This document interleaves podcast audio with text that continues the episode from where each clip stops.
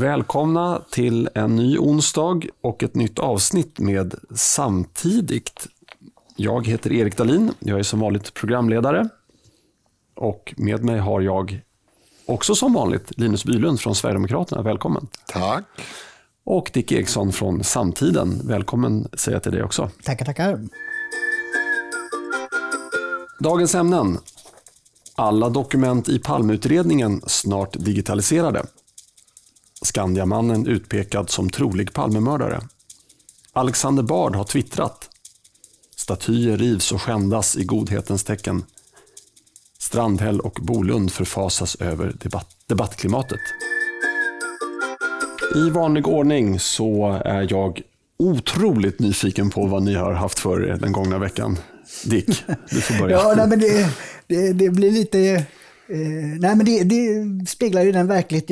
Jag, jag tycker det är bra att koppla av med någonting annat när man håller på och jagar nyheter och eh, kommenterar och försöker analysera. Så att jag tyckte det var väldigt eh, skönt i helgen här att hjälpa en, en gammal vän att, att anlägga ett eh, potatisland. Så jag har eh, tidigare vecka delat av och och eh, vad heter man, vänt på jorden i en lervälling, höll jag på att säga, en torkad lera en del av hans tomt. Och nu den här veckan så la vi då andra gödsel och andra saker för att lufta upp det och planterade sättpotatis. Det är, det är lite annorlunda. Får se om det blir något. Mm. Eh, om du har en potatis, vill du dela den med mig? Ja. Jag tänkte på det här med äpplet. Mm. Så att, kommer ni ihåg den? Ja, låten man sjöng ja, Om du har ett äpple, vill du dela den med mig? Ja, är, du sugen, är du sugen på potatis nu? Ja, men jag tänkte det. Att, du om, om, om, du, om, du, om Dick nu mm. får en massa potatis här, mm. som regnar manna från himlen, då måste han dela med sig av den till ja, Ska du jäsa den då, eller ska du äta den som den är? Ja, du kan väl jäsa den också, Dick, åt mig? Ja, just det. Precis. Så långt har inte planeringen kommit. Nej. nej, nej vi får väl se eh, om du äter den själv, eh, dricker den själv eller vad du gör. Ja. Eh, Linus, Eh, ja, men jag måste bara kommentera det. Jag anlade faktiskt ett potatisland förra året. Mm. Eh, från noll, alltså från bara gräsmatta till potatisland. Mm. Och det blev ju bra. Eh, men eftersom inte vi äter potatis så mycket i familjen, framförallt inte jag och hustrun som är, försöker undvika kolhydrater, eh, så blev det väldigt mycket potatis kvar i backen. Mm. Och så nu skulle vi göra om det. Eh, grävde upp så att det blir som limpor istället så man kan så eh, saker liksom lite upphöjt. Mm. Och det har ju gått åt skogen för det var ju för mycket potatis kvar. Så den är ju helt, det är ju som ett potatisland fast vi inte har satt en enda plugg. Det, det räcker tydligen inte att hacka sönder potatisen för då blir det bara fler. Ja, alltså, precis. De, de bara en liten vit skal ja. kan gro. Liksom. Det är fantastiskt.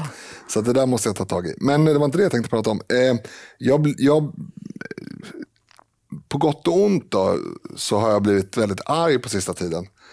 Och det känns skönt att få, att få känna sig engagerad. Eh, jag, jag är så fruktansvärt eh, äcklad och, och förfasad över den här samtiden som vi lever i. Vi ska komma in på det lite med in, Alexander Inte internettidskriften. Nej, precis. Mm. Samtiden som, som vi lever i.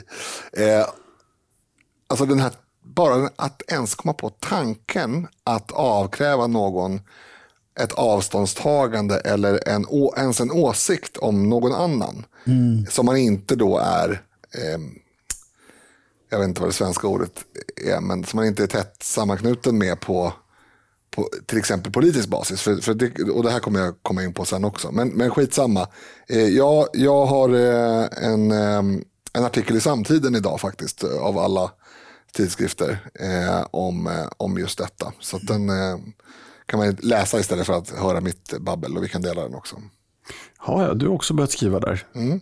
Eh, var det jag som inspirerade kanske? Ja, innan du kom på att man kan skriva debattartiklar i samtiden så, så hade jag aldrig tänkt tanken. Nej, nej jag, jag förstår att du vill eh, på alla sätt och vis komma åt min, min position. Ja. Men det kommer du inte lyckas med. Eh, för nu är det min tur. Ja, inte helt ovanligt så, eller inte helt oväntat så har jag en rättelse även den här gången. Nej, säg Ja, jag, jag, jag upptäckte själv att jag är ganska dålig på engelsk grammatik eh, och därför vill jag säga att det heter Black Lives Matter mm. och inget annat. Eh, jag råkade lägga till ett S tror jag när jag pratade i podden senast. På slutet. Men Aha. det ska man inte göra. Men det, det är faktiskt, det var, jag ska inte hänga ut den tidningen, men det var en, en, stor dagstidning som gjorde samma misstag i en stor rubrik. Det är bra att du inte hänger ut dem, för de hade antagligen blivit jätteledsna. Då. Ja, därför att jag tror, jag tog ingen skärmdump och jag tror att de har ändrat nu. så att jag kan inte... Men det visar att man behöver inte hålla på med engelska ord i onödan. Nej, precis. BLM säger vi. Eh, men ja, nu ska jag berätta något helt eh, trivialt. Jag eh, åkte över till en, eh, en granne, eller gick över till en granne eh, härom eh, dagen för att de hade, eller han hade några kompisar över. Och eh, då eh, började vi prata om en annan gemensam vän som startade ett spritmärke för ett antal år sedan. Mm. Just för att de hade en sån flaska där på, eh, hemma hos den här killen. Och Då sa jag att oj, det där var länge sedan. Eh, nej, sa en annan då. Eh, det var ju max, det var ju fem år sedan ungefär som, den, som de gav ut den här då. Nej, det är, det är 15 år sedan, sa jag. Ja, men då enades vi i alla fall att jag tyckte att det var med god marginal över 10 år sedan. Mm. Och han tyckte att det var med god marginal mindre än tio år sedan. Ja. Mm. Så då ringde vi en eh, som hade, vi fick tyvärr inte tag slog på honom. Slog ni vad om detta? Ja, vi, ja precis. Tack. Mm. Eh, vi, vi slog vad om det. Eh, först började vi väldigt högt med massa aktieinnehav och sådär. Men sen så skalade jag ner, ner det till en öl och så möttes vi vid 500 kronor. Ehm, men jag, jag, slår inte vad av princip och jag spelar inte. Men det, det var lite kul för jag var så fruktansvärt säker. Mm. Och full. Ja, precis. Men är det Mackmyra vi pratar om? Nej, det är det inte faktiskt. Nej. Nej det här är en annan, eh, mycket, mycket mindre eh, okay. märke. Eh, och just den här flaskan som de gjorde, den tror jag de la ner efter ett tag. Eller, eller möjligen att den finns nu, mycket liten upplaga i alla fall. Det är en lakritsshot, så mycket kan jag säga. Eh, men i alla fall, då ringde vi. Eh, vi fick inte tag på han som har företaget, men en nära vän. Och då, då kollade han upp. Jo, men jag kan kolla upp det. Jag vet precis. Jag har det här i mejlen. Jag vet precis vilket datum den börjar. Ja, ja, det var den 2 juni 2010. Och då, vänta nu lite grann. Ja, det, jag, jag vann med en vecka. ja. Så att, eh, det var, jag tyckte det var lite kul i alla fall. Ja. Så här att berätta en, en onsdag som denna. Alla dokument i Palmeutredningen snart digitaliserade. Det här var någonting som jag snappade upp eftersom jag lyssnade på så gott som hela eh, presskonferensen. Ehm, men dock inte på alla frågor. För nu berättade nämligen Dick att det här var en eh, det, jag ska komma till det är att det här skulle kunna underlätta att publicera hela utredningen för allmänheten. Och då berättade Dick att det var någon på samtiden som hade ställt den här frågan på presskonferensen. Berätta lite mer där. Ja, mm. precis. Nej, men, eh, jag har ju lite folk runt omkring som eh, hjälper till och bland, bland ville en person vara intresserad av det här med Palmeutredningen så han frågade om han kunde företräda samtiden då under, under åklagarens eh, presskonferens. Och då sa jag, visst, eh, gör du det, ring och anmäl dig. Så att han var med på videolänk då, eller vad det kallas för någonting. Och eh, jag följde inte det så noga då, dels för att han höll på och sen Ja, man tappar lite grann sugen. Otroligt utdragen process. Ja, precis. Ja. Och man tappar lite sugen när man hörde att det var ju ingenting som hade hänt. Eh, eh, men jag såg på, i Twitterflödet sen att en del som är eh, såna här journalistnördar var, var förvånade av att samtiden var den enda som ställde den intressant, enda intressanta frågan. Det vill säga, när kommer materialet eh, i förundersökningen att bli offentligt? Mm. Och det svarar de inte. De sa ju det principiellt ska det ju bli det, och, men sen så velar de tillbaka. Och sen har de ju landat i att eh, man, man, går på det här, enligt offentlighetsprincipen så får ju myndigheter ta betalt för kopior. Så att det kostar en miljon att få ut förundersökningen. Och då är det eh, ifrån, eh, med kopiaavgift i, för, för att trycka upp det på papper. Då. Fast, fast, om det nu finns digitalt? Ja, det, precis. Det, det, men det har de inte sagt någonting om ännu. Så de gav inget rakt de, de är inte färdiga med det. Så att... Nej, men då, han sa ju det på presskonferensen att de är inte färdiga men de, de har kommit mm. väldigt, väldigt långt. Alltså, så gott, de är så och gott som klara vad och Det är förstår. många som har skrattat åt det, liksom, att vi är 2020 och man har liksom inte digitaliserat handlingarna förrän nu. Nej, alltså det är ju ett skämt. Mm. Eh, alltså om, om de hade sagt så här, den här processen är väldigt tung och det har pågått i 10-12 år. Mm Visst, ja, dåligt och byråkratiskt av er, men, men det är ändå så här, kanske är rimligt att börja någon gång i, början på millenniet och digitalisera. Men de började 2017. Ja, härom året. De började digitalisera utredningen 2017. Vad är det för mossgubbar? Det, är, det är ju faktiskt galet. Men, men, men, men vad, vad tror ni då? Eh, Eller vad, vad tycker ni? Borde man lägga upp det här på nätet för allmän beskådan? Ja, ja, ja precis. I, i, nu hade Claron det då om man vill ha ut det på papper så, så får man betala rätt mycket så att spridningen blir ganska liten. Men om det digitaliserar då skulle man ju kunna bara lämna ut det för eh, ett USB-sticks kostnad. Eller som du säger, lägga upp det eh, på nätet. Eh, Men eh, ja, nej, men jag, jag ser ingen... Alltså jag ser en affärsidé här. Man skulle kunna, man skulle kunna köpa den här utredningen. Alltså få ut den på papper och sen scanna in den. Det skulle, det skulle ta ett par dagar. Och sen så lägga ut den och så ta betalt för folk som vill läsa Ja, just det. Men, nej, men alltså, för en del har ju diskuterat efter presskonferensen att, att eh, åklagaren lämnade ut flera namn på vittnen som inte har varit, eh, inte så offentliga i alla fall som de blev nu. Eh, och att, att det, det är viss tveksamhet kring det då, även om det var eh, händelser långt tillbaka i tiden. Så det, det, det är väl den typen av, eh, som jag alltid som ansvarig utgivare reagerar på, eh, när, när det kommer till namn på personer, då måste man verkligen göra en, en noga avvägning av, ska man publicera namnet eller inte? Mm, det är kanske det som gör att det tar tid också. Att man, man, för att liksom digitalisera ett dokument med eventuellt känsliga uppgifter i så kanske man inte nödvändigtvis måste maska det. Men man måste åtminstone tagga det så att man vet att i det här, den här delen av, av utredningen finns det uppgifter som vi kanske inte kan släppa ut av hänsyn till bla bla bla. Eh, Men, men annars så är det väl inte någon diskussion om saken. Det är klart att den ska bli offentlig. Ja, men precis. Jag, jag tänker också att det kan finnas här fall.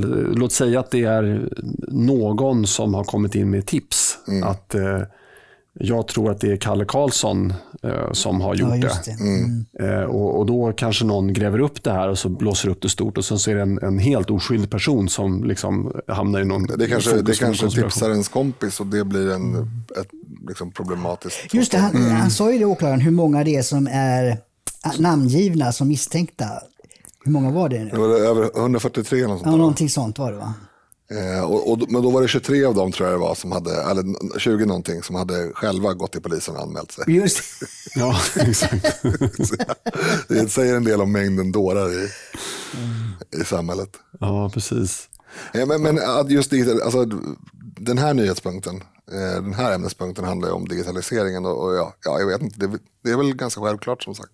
Men, men jag, jag tror att det här kommer bli ganska avgörande alltså det, för, för, hur Palmemordets fortsatta levnad kommer att te sig. Det finns ju väldigt mycket privatspanare där ute och jag, jag har inte hört någon som har varit så här, yes, bra, Nej. härligt. Nu, nu ska vi gå in på, på Skandiamannen i nästa punkt. Men, Men, eh, men låt oss att- säga så här, bortom di- digitalisering, men- men ändå inte kanske nästa punkt, eh, ligger ju att det var en av de sämsta presskonferenser jag har sett någonsin i mitt, he- hela mitt liv. Alltså det var ju som en parodi på hur man ska göra en, en presskonferens. Ja, de är inte vana vid, Nej, alltså, handskas för- med media. Vad var grejen? Liksom? Det var ju väldigt lite nya uppgifter om, om några. Eh, Det vill säga den som var nördigt intresserad fick ju inget, liksom, fick sig inget till livs. Nej, och, det, och det, är det, det var det jag skulle komma till. Att de här nördarna, som är ett antal Mm. människor runt om i framförallt Sverige, eh, om de skulle få tillgång till hela förundersökningen, Alltså de skulle ju typ så här säga upp sig från jobbet, gå i förtidspension. Bara, Sjukskriven i två år. Men, men, digi- men digitalisering innebär ju faktiskt att man skulle kunna göra korsreferenser som är väldigt svårt att göra när man har det på papper. Ja, omöjligt att göra. Ja, Liksom. det är därför man skulle ha gjort det så Ja. fort man kunde. Ja, själva Egentligen borde de- slutet av 1900-talet. Ja, borde de ha gjort det själva så att de kan hitta allting med att Mm. söka på ord och klockslag. Jag tänker att byta utredare för en sån. Hur många, hur många hyllmeter är det? Liksom? Det, är, Vad, vad, vad, det har de också sagt. ja, jag vet, men jag kommer inte det är ihåg. flera hundra eh, meter. Va? Ja. ja. jag, jag känner ju faktiskt han Erik Engström. Jag vet inte om ni har snubblat på det namnet någon gång. Eh, Men han, var ju, han satt ju nu eh, och kommenterade i direktsändning då i, i typ Sveriges Television Le- Gävleavdelningen. Jaha. Är han släkt med Stig? Ja, precis. Ja, Det, det han sa, han är gotlänning. Jag tror jag ska byta efternamn. jag är otroligt dålig på att härma gotländska. Jag tänkte precis säga det, men nu sa du det själv. Ja, ja. Men eh, det, det, var lite kul. Eh, men, men, han är ju eh, helt övertygad om att det inte är Stig Engström. Mm. Eh, och han har en egen teori som han av olika skäl inte har släppt offentligt eller eh, sådär. Eh, men om en sån person skulle få tillgång till hela förundersökningen. Och kolla upp det. Ja, det. ja precis. Och jag, jag, jag, gissar att gör man det, släpper man förundersökningen offentlig i, i, digitaliserad form då, så att vem som helst kan ta, mm. ta, ta del av den gratis. Då, då tror jag att vi kommer få se mängder av sådana här eh, teorier. Mm. Eh, och, det, är nog inte, det är nog inte en särskilt djärv gissning. Nej, nej. Eh, så att, men det är det, det jag menar, det, det är väldigt avgörande för, för eh, hur, hur eh, det här, hur historien kommer se på Palmemordet om kanske 50 år. Mm. Om man nu släpper förundersökningen eller om man inte gör det. Mm. För att om man inte gör det, då, då kommer jag tror att det här kommer självdö lite grann. Mm. Men eh, annars kan det nog bli en ny det, era. Det kanske var det de åklagarna ville genom att först håsa upp under våren och så sen så blir det platt fall nu. Att de hoppas att det ska dö. Ja. Men det hade ju varit bättre i så fall att, att hålla tyst under våren och så sen kalla till presskonferens och säga att nu lägger vi ner ja, förundersökningen. Ja, eh, men vi digitaliserar det. Så om någon eh, vaskar fram någonting nytt ur det digitala materialet så kommer polisen ja. att ta emot det. Alltså det, det, det, där, ja, vi kommer in på det på nästa vi, punkt. Yes. Skandiamannen utpekad som trolig Palmemördare. Linus, du var på väg att säga någonting om utredningen. Ja, jag tycker det är så jäkla ovärdigt. Um, man har ju fått bilden då att nu kommer det komma någonting mm. avgörande här på vårkanten. Och man har också fått bilden att det handlar om Skandiamannen. Jo, att det är konkret också. Ja, mm. eller det, det, är det man förutsätter, mm. att det ska vara något konkret. För, för det var ju bland annat Filters reportage eh, som pekade ut eh, Skandiamannen som var liksom startskottet på den här vågen. Fast de sa själva att de hade haft det här som huvudspår sen var det sommaren 2017. Och Vilka sa det? Eh, utredarna. Ja, ja. Spelar roll. Petersson, Poängen i alla fall att för, för gemene man så får man bilden av att ja, men nu, nu är man nära någonting. Mm. Och jag tänkte väl att han är död den här gubben och han man kanske har hittat något på hans tomt. Man kanske har hittat mordvapnet, vad vet jag. Eller så mm. någon konkret sak. Eh, och så tänkte jag, så här, vad, vad smart, för att eh, det är klart att det, det är väldigt resurskrävande det här. Att, sist, att det ska vara en grupp som håller på med ett mord som liksom, eh, ja, det är liksom mer intressant av kuriosa-intresse än att liksom reda ut det. Eh, gärningsmannen kanske är död och sådär. Men istället så får man liksom en, dels väldigt tunn liksom, eh, indicie kedja. otroligt tunn. Mm. Det är liksom, Ja, han var alkoholiserad och, och, moderat. Och i samma område fanns det en, en MUF-förening som hade sagt dåliga saker om Palme. Han hade inget med den att göra, men ändå. Mm. Alltså sådana där jättekonstiga liksom, önsketänkande indicier. Jag säger inte att, han är, alltså, att det inte kan vara han, det kan mycket väl vara han. Eh, jag, är inte, jag har varit sig nörd eller, särskilt, eller har särskilt starka åsikter om vem som mördade Palme. Men man måste ju inte nödvändigtvis bevisa, men man måste ändå liksom visa någon tung argumentation för varför man ska säga att hade han levt så hade vi åtalat honom. Ja, var det så han sa? Nej, Nej. Alltså, och det också visar att han inte är medietränad. Då. Dels den här upphaussningen och så sen så det han landade i.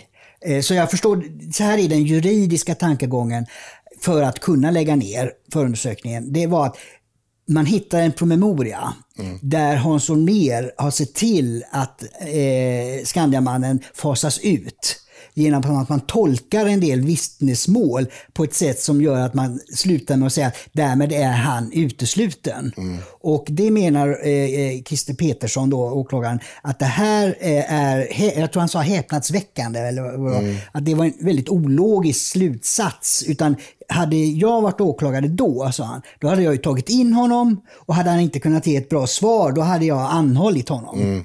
Så det är dit eh, han kommer juridiskt, ja. så att säga. Men i och med att han är död så kan jag inte göra det och därför lägger vi ner. Mm.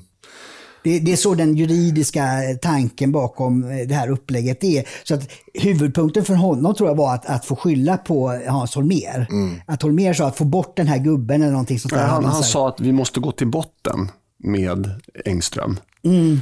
Eh, för att efter det kunna... Just det, åklagarna slår klorna i honom, Ja, hade han sagt. Ja. Ja, just så det. att, Mm. eh, enligt Christer Petersson eh, nu så var Hansson mer orolig att åklagarna skulle en- engagera sig i Engström istället för hans spår PKK. Och därför gjordes den här promemorian som visar hur ointressant Mm. eh, Skandiamannen var. Och det menar Christer, Petersson nu, att hade han varit då, åklagare då, så hade han tagit in honom istället. Mm. Men, men, men min slutpoäng där är- har egentligen att göra med hur, hur det kommuniceras och vad man får för bild. För bilden till den som inte är insatt, till den som bara liksom, lite nyfiken, är ju att ja, men det var han som gjorde det. Eh, och det är otroligt problematiskt i ett läge när någon är död.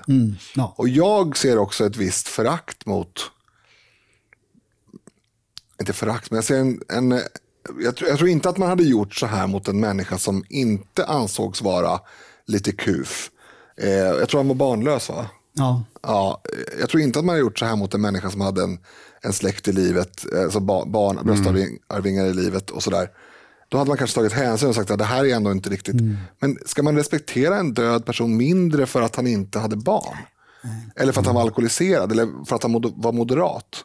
Ja, det är i och för sig... Alltså det, det, känns som att, ja, men det känns som att hade det här varit en, en liksom, eh, typ som man inte såg ner på på samma sätt så hade man varit väldigt mer försiktig. Det är bara en känsla, men, men jag tycker principiellt att man ska vara väldigt försiktig med att nämna namn på människor som inte kan försvara sig. Och det, det är väl definitionen av att inte kunna försvara sig. Han är död.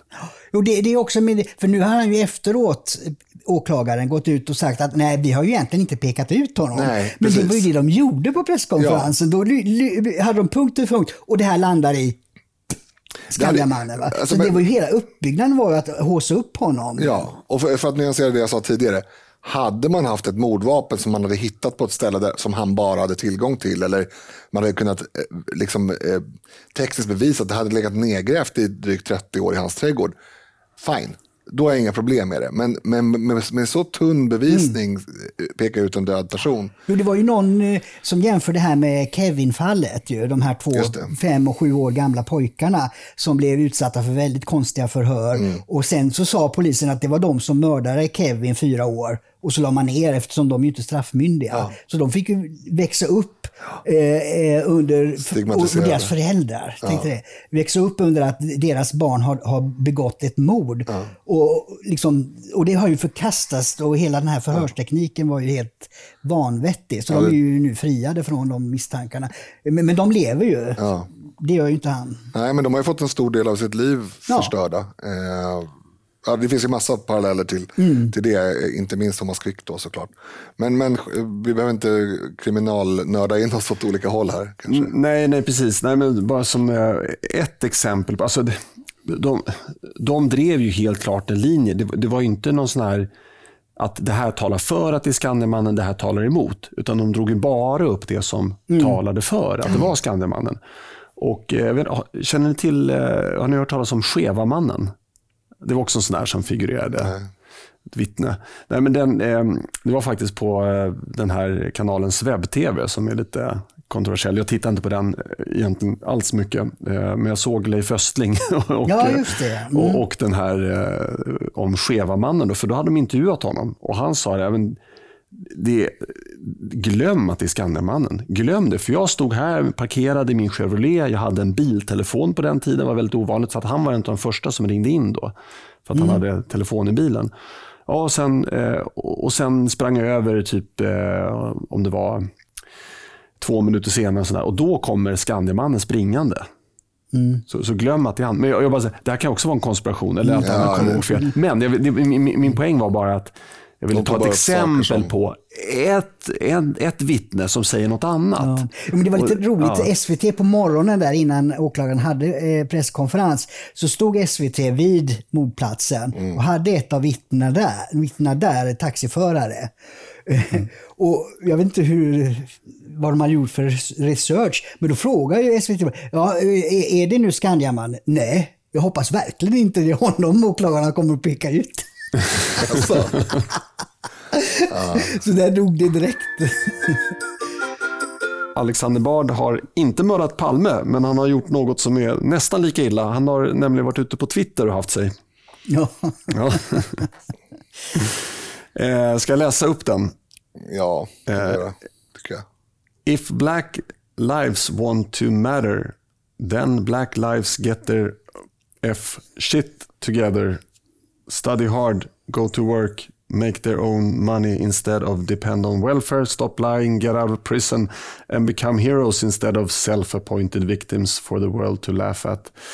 That matters.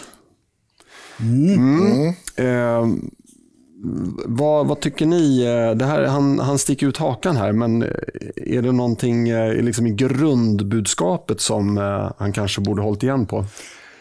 Får jag bara börja där? Jag, jag tror att ett, ett av... Eh, för det första skulle jag säga att Alexander Bard är en egen person och står för det han säger och tycker själv. Vilket gör att det här, eh, och det var det jag pratade om tidigare, det här med att man ska ta avstånd hit och dit. Det, det tycker jag att man kan kräva om till exempel jag och Dick är Eh, med högt, för, höga företrädare för ett och samma politiska parti och Dick säger någonting som är helt oacceptabelt för mig att stå för, då, då kan det vara på sin plats att jag säger nej men det där som Dick sa, det håller jag inte med om. Det är för att vi har en, en ideologisk plattform som vi delar både utåt och eh, sinsemellan. Men att på andra grunder ta avstånd på någon. För att man har, jag såg att Camilla Henemark, eh, nej förlåt, eh, eh, Dominika Persinski fick på sin Instagram flera personer som frågade, har du tagit avstånd från Alexander Bards uttalanden? Jag har inte sett någonting. Har du duckat den frågan? Så otroligt vedervärdigt sätt att bete sig på. Men eh, med det sagt då, ehm, så skulle inte jag ha uttryckt mig så här. Jag, jag hade haft problem om en partikamrat uttryckt sig så här, absolut. Jag hade inte låtit det ta sådana proportioner, men jag, jag tycker att kommunikationen kanske är, eh, kunde göras bättre. Men jag tror att det finns en liten detalj här som, som har missats av väldigt många. Eh, Alexander Bard använder begreppet Black Lives, inte bara i början av sin tweet, utan även för, vilka det är som ska get their, their shit together. Eh, det vill säga att han, hade han skrivit blacks så hade det fått en helt annan mening. Jag tolkar det som att han pratar om dem som, som eh, demonstrerar och gapar och skriker, inte om svarta i allmänhet. Det är ja. min tolkning. Ja, men så är det, så är det absolut. Eh, och, och, det är ju en väsentlig skillnad då när man ska recensera mm. vad, vad, han tycker. Men sen är en annan stor eh, viktig aspekt. Eh, jag har ju av den anledningen eh, slutat twittra. För att det är ett format som är gjort för missförstånd och feltolkningar. Och framförallt medvetna. Medvetna feltolkningar, precis. Och då, då har jag valt att bara strunta i det. Men, men det är också en del av problemet här. Hade det här varit en debattartikel så hade det varit mycket mer nyanserat. Ja, och jag tycker det här är mer en ordlek. Alltså han säger Black lives want to matter. Och så mm. slutar that's matter. Alltså, han leker ju med orden. Mm. Eh, så det är ju en form av av eh, litterärt eh, verk också, det här kan man ju säga. Mm. Eh, men, men jag har, eh, alltså att, för det har vi varit inne på i vår, vår fredagssändning här, liksom att eh, verkligheten är ju en helt annan än den som syns i medierna. Alltså det är 85 procent av eh, våldet är svart mot svart. Och det är en väldigt liten andel som är vitt våld mot svarta. Mm. Väldigt liten andel. Eh, och det finns ju väldigt många olika grafer som, som, som visar på hur, hur, det ser ut. Va? Och eh, eh, naturligtvis är allt våld förkastligt, men att göra då en li, ganska liten stapel av eh, våldsamhet till någonting som är oerhört omoraliskt medan man döljer allt annat våld. Det tycker jag är förkastligt. Man har ju bakat in så många parametrar i det här. Mm. För att I början handlade det om att, och det här, var ju, det här är inte från, nytt från i år, det var ju flera år sedan som man såg Black Lives Matters, Matter mm. eh, demonstrationer i USA. Eh, men men det, det hängdes ju upp på våld. Men nu har det ju bakats in att ja, men, eh, man förtrycker på massa andra sätt och sådär också. Mm. Så att, det, det, får ju en, det blir väldigt svårt att argumentera emot. Men det där är också vänstern. Pride är samma sak. Ja, men, det, det, det, var ju eh, liksom, eh, homosexuellas rättigheter till, till eh, att kunna leva normalt. så att säga. Ja. Så la man till queer, ja. som betyder att man ska slå sönder alla familjer i samhället. Och sen säger man, nej regnbågsflaggan är ju till för att vi ska vara snälla mot varandra. Alltså, mm. Alltså man, mm, mm. man skiftar hela tiden eh, innebörd i vad, vad parollerna står för. Och det där är ju eh, typiskt eh, Eh, retorik som man inte får gå på. Ehm, eh, utan jag, jag, tycker naturligtvis att det är eh, allt det här våldet är förkastligt, men det är faktiskt lika allvarligt när en svart blir mördad av, av en annan svart person. Mm som när en svart blir mördad av en vit eller en vit blir mördad av en svart eller vad det nu är. Mm. Jag, jag har överhuvudtaget så svårt för det här med att hela tiden se människor i raser. Ja. Jag har jäkligt svårt och det har övertygat mig om att jag är verkligen inte rasist. Nej. Utan jag vill inte, jag vill inte se, jag vill se i situationer vilka, eh, och just statistik på, på eh, alla delar av samhället och, hur, hur, hur eh, och hitta förklaringar och, och, sånt tycker jag är mer mm. intressant än att sitta och säga nu har ni mördat så många av oss och, och, mm. och det här. Är, jag tycker det är fruktansvärt ja, bakslag för eh, samhällsdebatten att, att man håller på och först ska man ta reda på vad det är för kön och ras och sen vad som har hänt. Mm. Mm. Ja, det var rätt kul. Det, det görs ju lite eh, filmer eh, på eh, sociala medier om den här situationen. Så jag såg en ganska rolig där det var en som ringde in. Ja, ah, det är några som är utanför huset här och bryter sig in. Svarade hon då på 911. Ja, men kan du se vad, vad, vad han har för hudfärg? Nej, det, jag vet inte, de har luva på sig. Och så fortsätter så. Liksom, och så här, mm. men, du förstår, vi kan inte skicka, och inte vet vad det är för hudfärg på polisen. Vi kan inte skicka en vit polis till exempel. Det kan ju vara en svart och då kan inte de ingripa. Mm. Fattar du inte det? Mm. så att det, där, nej, men det, det är väldigt, ja, men, jag tycker, och, och för att återgå till det ämnet som vi hade, Alexander Bards tweet, så, så är det ju så att han har ju mer rätt än, än eh, de eh, högljudda på BLM-sidan. Alltså, Eh, även om, även om det, det här kan tolkas som väldigt svepande och sådär på, på gränsen till rasistiskt så, så, så har han ändå mer rätt. För att, för att mm. det är ju ingen intellektuellt hedlig person som inte förstår att det stora problemet, och det har vi varit inne på i, i mm. tidigare poddavsnitt, det stora problemet handlar om att man har, det finns en kultur som, som eh, inte liksom tillåter eller uppmuntrar bildning, eh, att ta sig vidare och så vidare. Utan man är offer och man är, och mm. det, är, det är såklart svåra strukturer att bryta. Men, men det är när svarta säger det här, och det är ju ganska ofta. Mm. Det har man ju hört många gånger genom liksom åren. Att svarta reser sig upp och säger vi behöver, vi behöver göra det här och det här. Vi behöver lära oss att liksom, gå i skolan är bra och sådana där saker. Då blir det, inga, liksom, då blir det inget liv.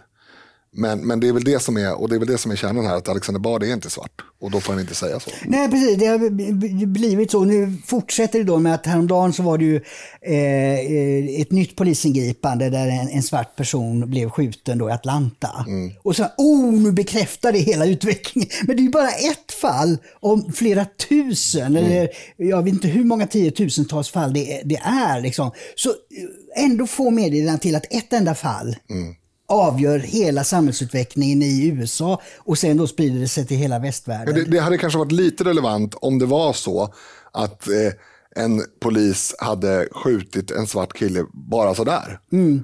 Då hade det kunnat vara ett inlägg i debatten. Vad är det här för någonting? Mm. Men, men poliser ska ju använda sina tjänstevapen om nödvändigt vid brottslighet. Mm. Och då, då, kan det inte vara så att om man har en viss hudfärg så är man helt skyddad från, den, mm. från det från polisen. Mm. Nej, för det är ju det man borde, jag kommer inte ihåg om vi kom vidare till det förra gången. Alltså, för konsekvensen av det här betyder just det, som ni båda varit inne på, att eh, eh vita poliser kan inte ingripa när svarta begår brott.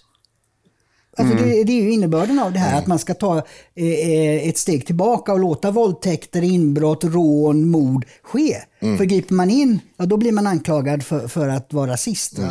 Och, och, det, och det kommer tecken på nu också att eh, polisyrket tappar ju popularitet. Mm. Det, det, är många som säger upp sig nu. Mm. Att, ja, men, man tänker själva att ni eh, eh, kan inte ingripa utan att eh, bli kallade för både det ena och det andra. Mm. Eh, det, är ett, det är ett enormt polishat.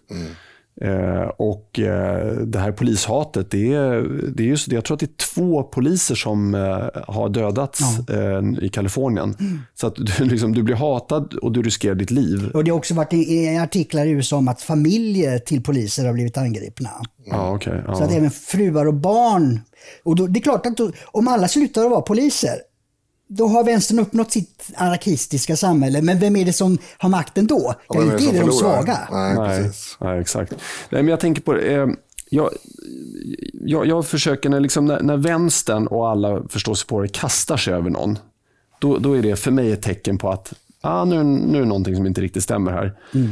Eh, och då försöker jag liksom titta på vad är, det, vad är den här personen skriver, i det här fallet Alexander Bard. Då. Eh, i min värld, så det här är ju precis de orden man skulle kunna, en förälder skulle kunna säga till sin odåga till son eller dotter. Mm.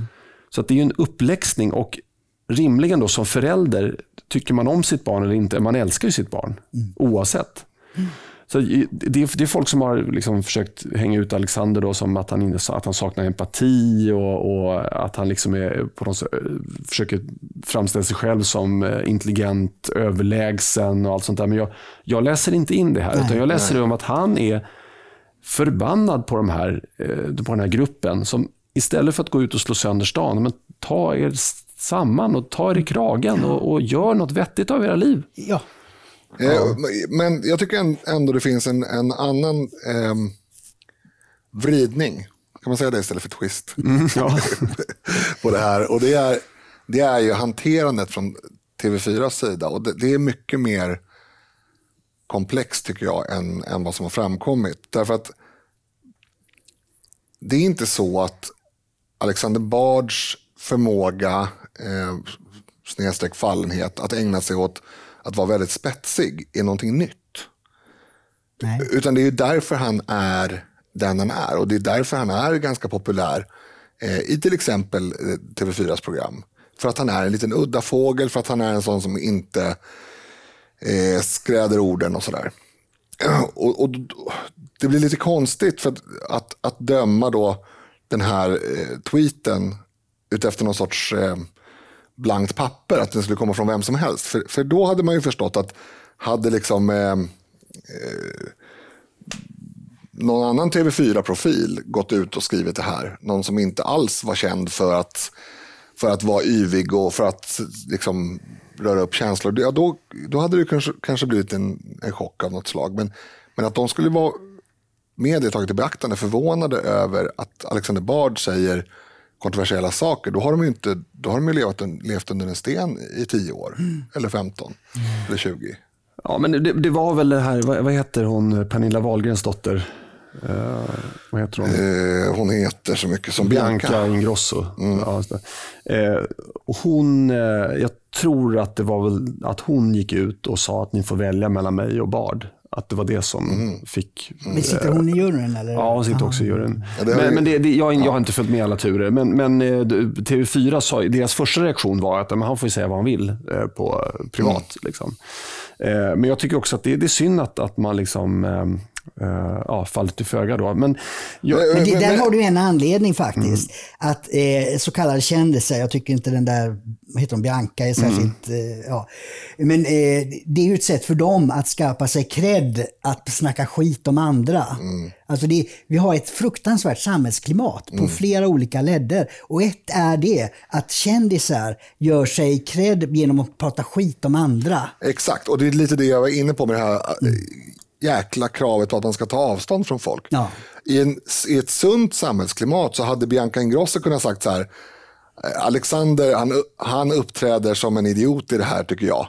Mm. Eh, jag, ska ta, jag ska ta det med honom när vi ses för inspelning. Mm. Alltså, varför ska hon känna, och det är inte bara hennes fel, mm. varför ska hon känna att bara för att hon sitter i samma jury så ska hon tycka samma saker. Mm. Det är ju det som är det sjuka här. Mm. Men nästa steg, och det tycker jag är ännu mer intressant, hur många eh, vänsterextremister och folk som har uttryckt eh, Kanalen TV4 har arbetat för mångkulturalism. De är ju de är personligen skyldiga till en massa skit. Mm. Alltså hur kan de sitta på de här höga hästarna och döma åt ena hållet Mm. Som sagt, Alexander Bards tweet skulle jag aldrig ha skrivit för jag skulle inte ha, jag skulle inte ha uttryckt mig på det sättet. Men det åsido, det finns ju massa sympatier för en massa massmördarideologier ja. och sjuka saker hos massa mediamänniskor. Ska de inte heller få vara med och, på underhållningsprogrammen? Jo, alla de här rapparna man bjuder in som, är, som pratar hånfullt om kvinnor och deras... Ja, men, men, det, men det är lite intressant där också för att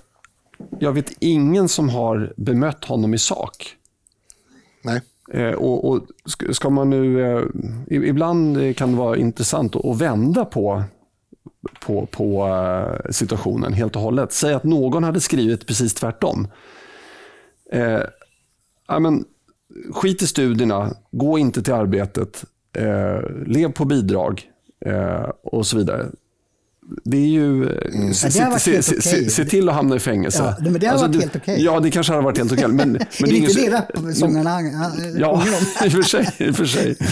Eh, andra än antirap. Mm. Eh, nej, men eh, ja, alltså, jag, jag ser inte... Alltså, och, men det här, det här eh, bevisar ju att det är ingen som har bemött Alexander Bard i sak. Mm. Och, och, och, Det är det som ligger och gnager, att många innerst inne känner att ja, det här är ju egentligen sant. Mm. Alltså de, de är överrepresenterade eh, i eh, fängelse, eh, som fängelsekunder. De har inte lika bra studiemeriter. Eh, och, och då, när man har konstaterat det, att ja, men Alexander har, har, han har rätt i sak. Men vad beror det här på? Mm. Och det är det, man kommer ju aldrig Nej. dit. Därför att de skjuter ner hans sätt att uttrycka Nej, sig fast på. Jag tror inte på det där Erik. Jag tror inte att de här människorna tänker att han har rätt i sak. För, att för dem, går, det går inte till det, alltså jag tror inte att man kommer till den punkten. För att, för att narrativet är att det är synd om, om alla människor som inte har det superbra. Det är aldrig deras fel. Eh, och, och då blir det att svära i kyrkan bara att ta upp ämnet. Men, men visst, det, det kan vi ju... Ja, men det, det är därför jag bland annat sitter här. För att eh, jag tycker att samhällsdebatten är ju helt sjuk. Den, mm. den, det är ju fan den som har fått ett virus. Mm. eh, så att jag tycker man, man borde gå, som, som vi gjorde i fredags, då, mm. då försökte vi lite grann gå till kärnan. Okej, vad beror det här på? Mm. Och eh, all, alltså, eh, vänsterliberalernas förklaring är att det fanns ett slaveri i USA mm. för x antal år sedan och att även efter slaveriet förekom disk diskriminering. Det är hela deras förklaring. Ja, och det är ju sant. Ja. Och det, det, inte att det, är, att det är orsaken, men det är ju sant. Det, det är en delförklaring tror jag, absolut. Ja. Men, men man kan inte, man måste titta på andra bitar också. Mm. Och, så, och, så, och, så, länge man inte gör det, då kommer vi eh, ha kvar en etnifierad underklass eh, i USA och andra länder. Ja, Linus? Ja, och jag tycker den stora poängen med det är att även om vi säger att det, det finns eh, arv från det som är en del av orsaken idag så är det i så fall för USAs del. Mm. Det vill säga, göra de här, den här typen av anspråk i Sverige är ju, och det pratade vi om också, det är ju hål i huvudet. Mm. Ja, men de använder ju samma argument och det, mm. kan, man inte, kan man inte diskutera grundfrågan i USA ja, då är det väldigt lätt att man, just som du säger, tar över frågan till Sverige. Mm. Ja, men vi är vita, vi har också haft kolonier och, och Karl XII var nere i Turkiet. Och, du vet, man kan mm. dra upp vad som helst. Mm. Eh, men man får inte dra upp eh, muslimska världens eh, slavhandel Nej, och, och, och, grymheter som varit mycket mer bestialiska. Och, och det här med att vi har ett försprång, jo det har vi, men Eh, jag har faktiskt besökt Egypten och eh, vad jag lärde mig då det var att de här pyramiderna är ganska gamla. Mm. De hade bevisligen ett jätteförsprång. Just, ja. var, var är det någonstans idag? Ja, just mm. och, men, men, om inte det försprånget räknas, varför ska vårt försprång räknas mm. nu för? Just det, därför måste pyramiderna rivas. Ja, pyramiderna måste rivas. De var dessutom slavhandlare. Det kommer vi till i nästa punkt.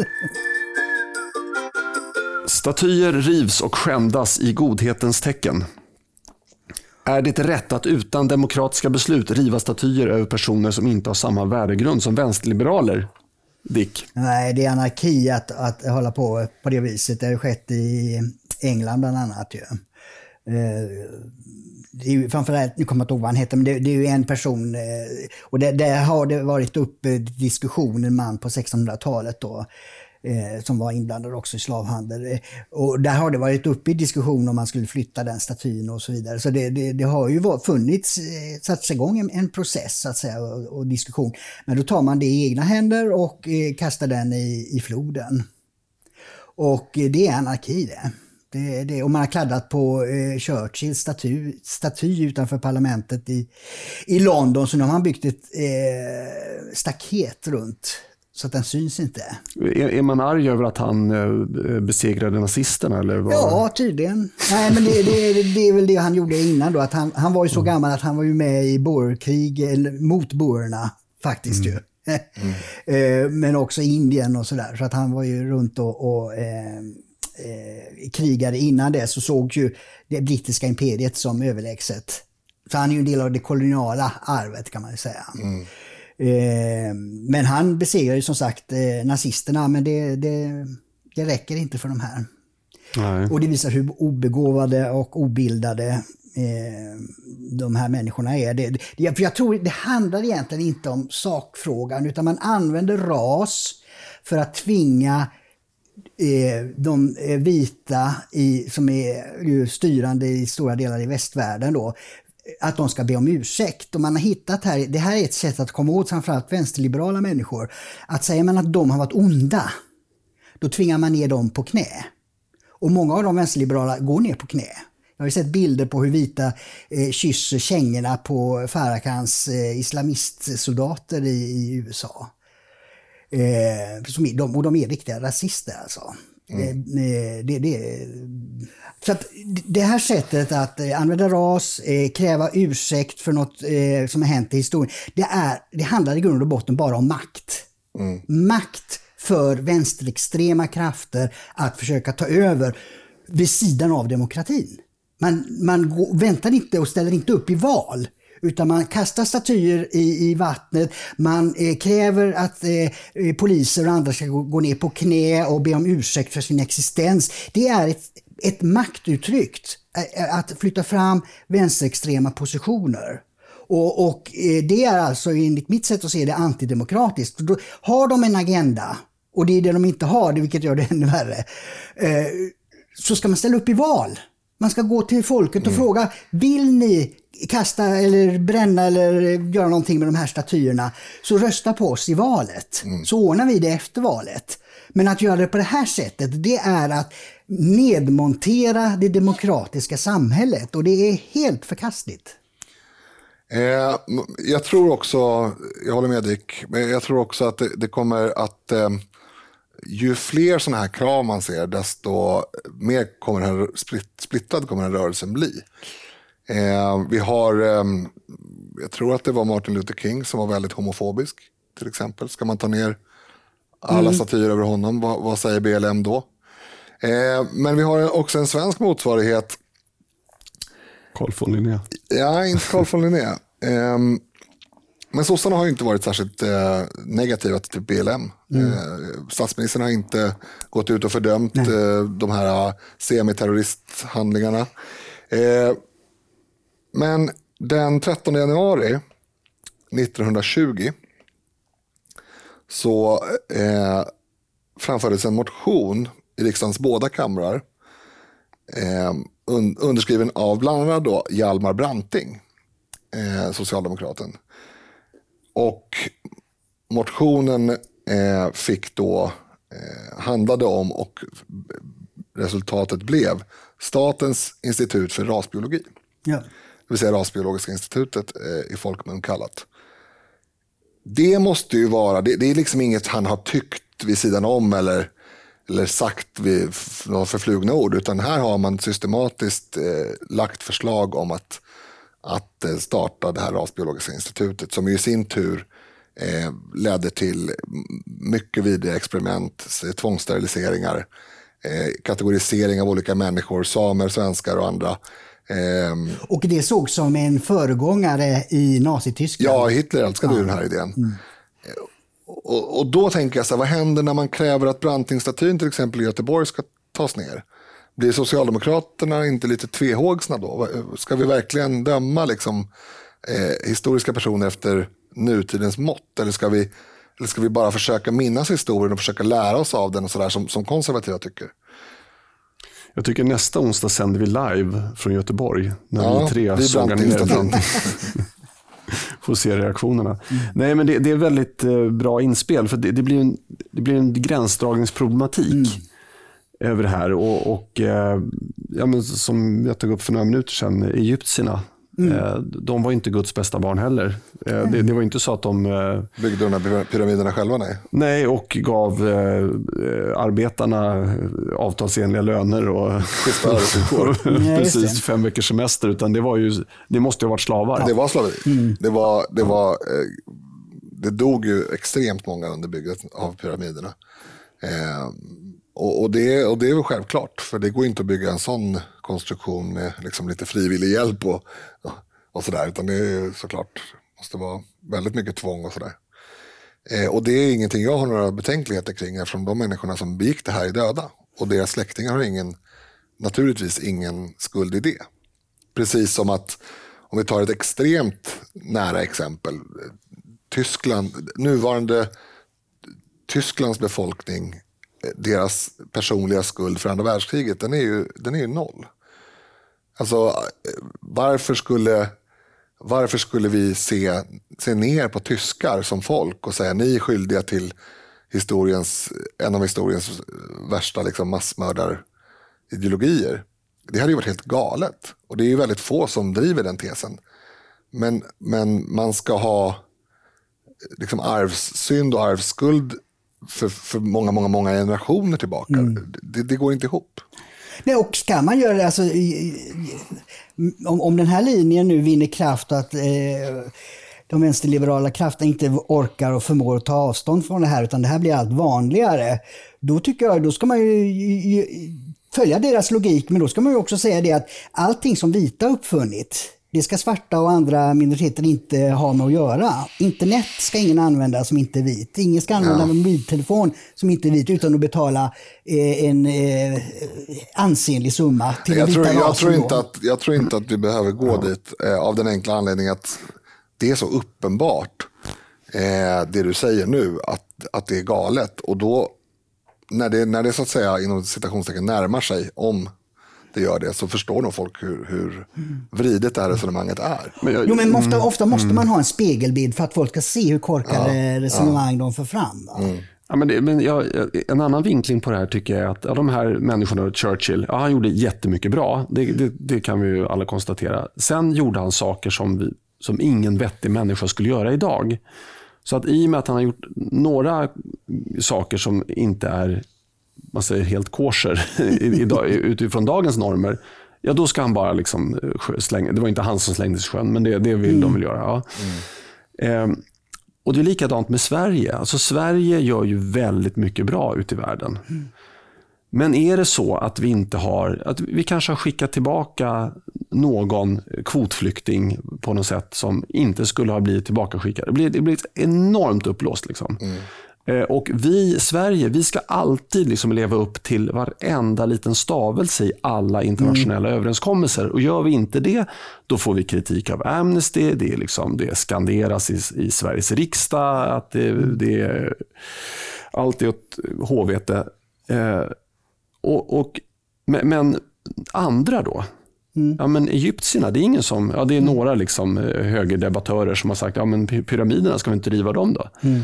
Eh, nej, det, att, att de har liksom haft slavhandel, det, det spelar absolut ingen roll. Mm. Eh, och att andra länder som Saudiarabien då inte tar emot några flyktingar alls i princip, nej men det spelar ingen ja, roll. Ja, eller att liksom ja. Europas eh, lite mer svarta får runt Medelhavet inte bryr sig ett skit om överenskommelser inom unionen till exempel. Eh, alltså, mm. Vi har ju en självkritik som är så stark att vi behöver inga externa kritiker. Ja, men där, jag tror det är därför den finns. Ja. Därför att andra ser det här mm. eh, vad heter det, självhatet. Mm. Och då vet de att de kan utnyttja det. Alltså, det, det. Återigen, det är som ett maktmedel. Ja. det är det jag menar. Det är det jag menar. Alltså, vi, vi, vi, hade inte behövt kritik mm. utifrån, men vi får det ändå. Mm. Därför att det, vi, vi, jämför man då hur Sverige eh, efterföljer till exempel europeiska direktiv mm kontra Italien till exempel. Det är jättestor skillnad, mm. men det går ju uppenbarligen ganska bra i Italien. Eller ja, ja, men i alla fall inte på grund av det dåligt. Mm. Nej, men det är bara att ta ett annat exempel. Det här eh, fotbolls-VM skulle ju spelas nu. Mm. Qatar som bygger fotbollsarenor har ju fått kritik för att de har en nästan slavliknande kontrakt på de gästarbetare som finns där. Men det händer ju ingenting därför att de bara rycker på axlarna och viftar med händerna i Qatar säger vi skiter väl om de dör, vi, vi skaffar nya. De blir liksom inte, de blir, känner sig inte trängda Nej. av att få den kritiken. Och då slutar kritikerna. Ja. För det tar inte.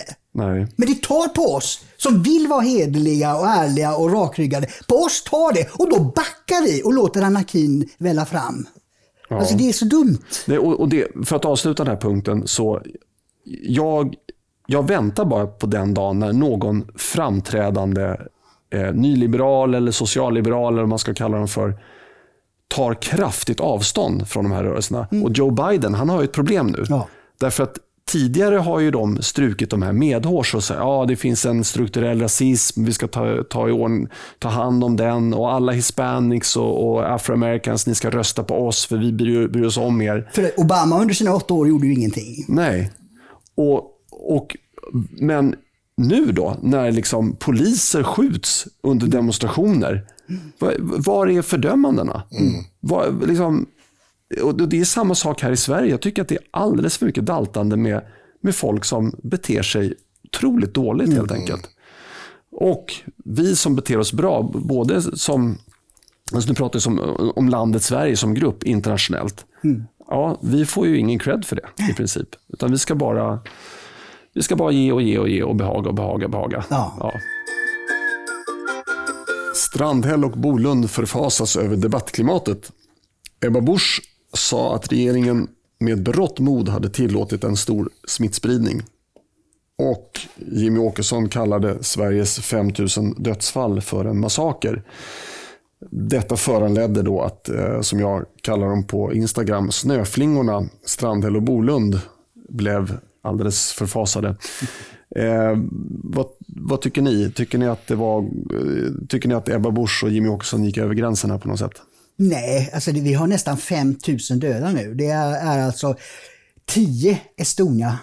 Alltså det var ju 500 som dog på Estonia. Det är ungefär 10 gånger så mycket som har dött nu. Va? Eller tsunamin var ju också ungefär 550 eh, döda från Sverige. Det är nästan 10 gånger så många som är döda i det här från 11 mars till, till nu. Va? Så det, det är en väldigt stor andel döda som, är- som har skett här. Och då kommer ju del ur sig, ja men det är ju bara äldre. Och det är också ett förakt i, i att presentera det på det sättet. För det, äldre har också ett, ett människovärde i, i ett eh, civiliserat samhälle. Ja, plus att det inte... Alltså så här, hade det varit... Om alla som ha, hade strukit med i corona hade haft liksom, ja men, fyra månader kvar av livet. Om alla hade haft det, då hade det varit liksom, inte skitsamma, men det hade varit en relevant parameter.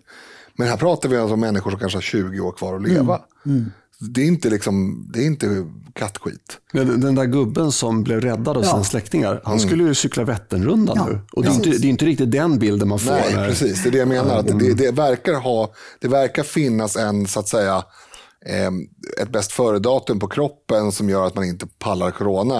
Eh, även, alltså det är klart att det- också har med form att göra, men, men, det, men ålder är väldigt viktigt. Eh, så att, och det betyder ju att en 70-åring som, som eh, absolut skulle kunna bli 100 eller 90 i alla fall, eh, är, är en väldigt stor riskgrupp. Och, och, och det, spelar ju, det spelar egentligen ingen roll vad de säger till sitt försvar, för de har ju i berått mod eh, antagit en strategi som har gjort att Sverige har fått väldigt, väldigt många fler döda än jämförbara länder. Ja. Och Löfven, bara för att få komma in på det här nu från, från ehm, tv tidigare i helgen, eh, konstaterar att Sverige inte är sämst i världen. Så, det är någonting som han nästan skryter med då. Och det är så här, vänta nu här, vi är ett li, litet, eller ett stort men glest befolkat land längst upp i norr. Vår kultur går ut på att vi absolut inte ska vara nära varandra ens i vanliga fall.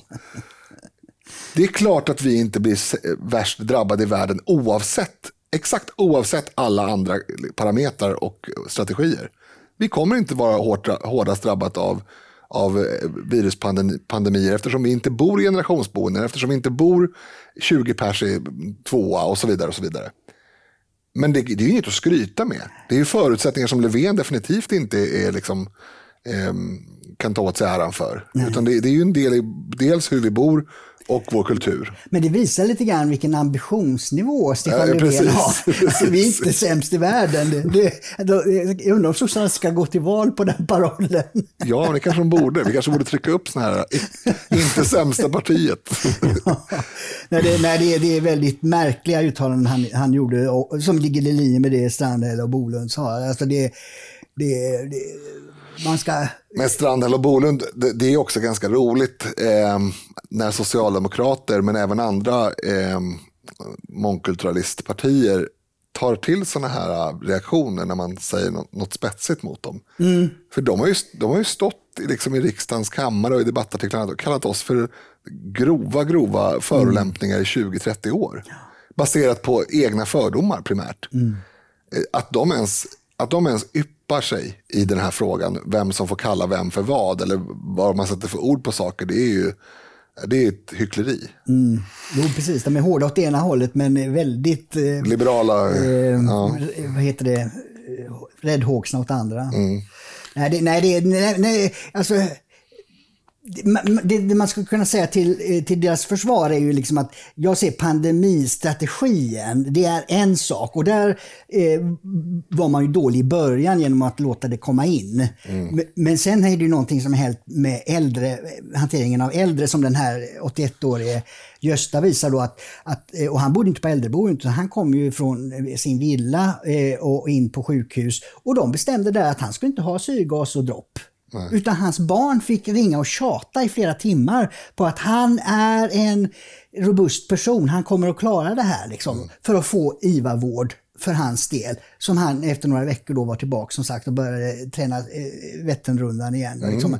Och så här är det ju någonting märkligt att födelseår, vi har ju föde, eh, vad heter det, personnummer och födelseåret där mm. verkar ha inneburit en gräns för när man får ja. vård. Ja. Det är det, jag undrar om inte det är det som har hänt i Sverige. Fast, I andra fast... länder har man försökt med syrgas och, och, och dropp och annat sånt där. Och Vissa har ju klarat det och andra har inte gjort det. Men i Sverige har man sagt nej. Ut, mm. ni är döda. Kommer ni in med en viss ålder här, då är det bara ättestupa. Men det är fortfarande en del av strategin. Precis som samma sak när det gäller eh, det att Löfven skyller ifrån sig på att det är äldrevården. Och då, och då menar jag inte liksom, intensivvården utan hygienrutiner mm. och annat som har fallerat. Det är ju fortfarande en del av hans strategi. För att eh, liknelsen som jag drog tidigare, att om, jag, om min strategi är att ta mig över en sjö med en båt som är ett stort hål i, då kan inte jag säga att min strategi var att ta sig över, men hålet var inte, det var inte mitt fel. För, för, han vet, han är statsminister, han har ansvar för det här och han vet det här. Han vet att liksom en alldeles för stor del av de som arbetar med våra äldre är analfabeter, kan inte svenska och kan inte ta till sig det här. Han vet det, det är hans ansvar. Mm. Och en sak till han sa i den här eh, intervjun var ju att, att eh, det, det har funnits brister i välfärden. Han erkände det faktiskt. Ja, det har funnits, men nu finns de inte. Men, och, och då kan man ju undra, varför finns de bristerna i äldreomsorgen och så vidare? Vad, vad, vad har pengarna använts till istället? Mm. Ja, alltså man skulle kunna lägga till en fråga efter den här, eh, vad heter han, Skandra-chefen, vad fan får jag för pengarna? Mm. Eh, hur fan har pengarna använts? Mm. Skulle man kunna lägga till. För vi betalar fortfarande en av världens högsta skatter. Mm. Och vi har inte fått någonting för dem under den här eh, pandemin. Nej, särskilt inte de som har jobbat ett helt liv i det här landet. Nej.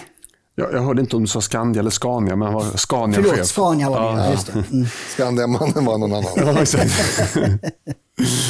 um, ja, jo, men i alla fall, eh, det jag tänkte på då att eh, jag, jag, tycker någonstans att man kan inte stå och ljuv, konstant månad ut och månad in ljuga i Sveriges riksdag och i eh, debatten och sen förvänta sig att eh, oppositionen inte höjer tonläget. Nej.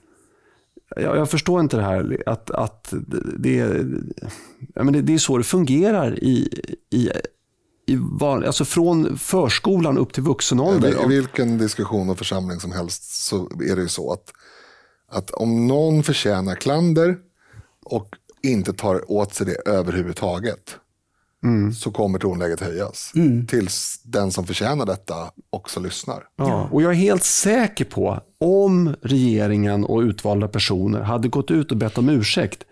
Vi gjorde en missbedömning, vi hade inte verktygen, eller så hade vi verktygen men vi, vi visste inte om att vi hade verktygen. Vi trodde inte att vi kunde stoppa passagerarna från norra Italien på Arlanda. Mm. Vi, vi, vi, vi hade inte vetskap om det. Och vi har varit naiva. Ja, men precis. Ja, exakt. Det säger de. Men att, att, att de uppenbar, alltså ber om en uppriktig mm. ursäkt och, och, och ber sen om, om ett samarbete eller någonting. Jag är helt säker på att både Ebba Busch och Jimmy Åkesson hade godtagit en sån ursäkt och sagt nu hittar vi en konstruktiv väg framåt. Mm, ja, det, och det var ju också orsaken till att både Jimmy och Ebba och, och Ulf Kristersson och andra för övrigt i, i alla politiska läger var väldigt, väldigt försiktiga första månaden under den här krisen. Det var ju för att man, och det, det, det ska jag säga, eh, anständighet. Att mm. man försöker inte roffa till sig politiska poäng eh, på bekostnad av liksom, ett, eh, skötseln av ett krisläge. Utan då, då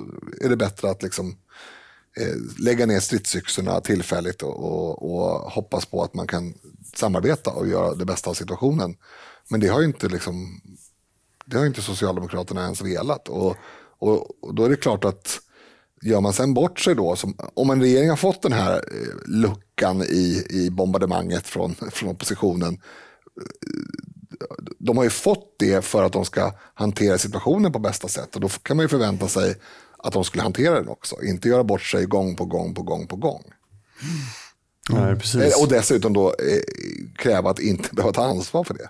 Nej, Nej alltså, i, i, andra länder så tror jag att eh, debattklimatet hade varit ännu mer uppskruvat. Mm. Om jag ska vara ärlig. Eh, tänk att stå och ljuga inför folket och inför församlingen. I Italien hade man fått springa gatlopp. Mm. Ja. Blev rullad i kära och fjädrar. Därmed, kära vänner, får ni vänta två dagar till för att lyssna på nästa avsnitt av Samtidigt. För det här avsnittet är nämligen slut och vi kan redan nu avslöja eh, på vad som händer på fredag. Jajamän. Det är Peter Wallmark som är eh, Sverigedemokraternas starke man i Stockholm. Mm. Just det, Stockholms stadshus. Just det. Eh, och det blir arkitektur, så det är ju det är inte bara Stockholmsfrågor. Nej, det blir allmänt, mycket allmänt om arkitektur, men det blir nog väldigt mycket Stockholmskänsla. Och det gillar väl du, Erik? Ja, precis. Eh, jag eh, vet inte om det finns något Sverige utanför Stockholm. Men jag, Nej, jag vet att du känner så. Ibland åker jag till Sweden Rock. Så det, det, finns, alltså, det finns Norge och så finns det Stockholm. Norge med J och Stockholm. Ja, precis. Nej, men, men för er som är, är för er som är intresserade av Stockholms politik så kommer det bli otroligt intressant. För er som är mindre intresserade av det så kommer det också bli intressant tror jag. Ja, jag, jag måste säga det att jag tycker Peter är en väldigt eh, vältalig och välbalanserad person. Mm. Eh, så att eh, jag är helt säker på att det kommer bli ett intressant samtal oavsett vad. Eh, men eh, ja, och vi läser eh, också alla mejl som kommer in. Vi svarar inte på allt kanske, men det finns faktiskt både på Instagram, eh, det är jag som rattar det kontot och eh, mejlen ja, har vi alla tillgång till, men jag kanske som kollar mest. Eh, och det har, kommer in rätt mycket hyllningar sådär. Mm. Eh, så det är väldigt kul att höra. Var det en väldigt det, långtgående hyllning här idag? Va? Eller om det var... Ja, på mejlen ja, precis. Ja. Eh, så det är jättekul. Det, sånt kan det aldrig bli eh, för mycket av. Nej, vi kommer inte bli självgoda för den sakens skull. Jag vill inte säga för mycket heller, men nästa fredag så har vi förhoppningsvis en intressant person till. Men det kan vi inte riktigt avslöja vem det är. Nej, det är en person som... Kan... Det en, det, om det blir av så är det en person som redan har varit här en gång och vi hoppas kunna få ut ännu mer mycket intressant information och diskussion. Just det. Så eh, vad säger man? Eh, Håll ut. Ja, precis. ja, exakt. Jag tänkte säga att midsommar är räddat, men det är, midsommar är nu på fredag. Mm. Så att, eh, ja, ni får, eh, om ni sörjer över att ni inte kan dansa runt stången i år så får ni lyssna på Peter Wallmark istället. Men det var bra alternativ. Och så har ni någonting eh, att göra veckan efter. Men eh, vi får återkomma också ifall vi tar någon sommarpaus. Det kanske vi kommer göra. Mm, vi får det se. är nog aktuellt. Men nu tar vi en paus för den här dagen. Hej då! Hej då!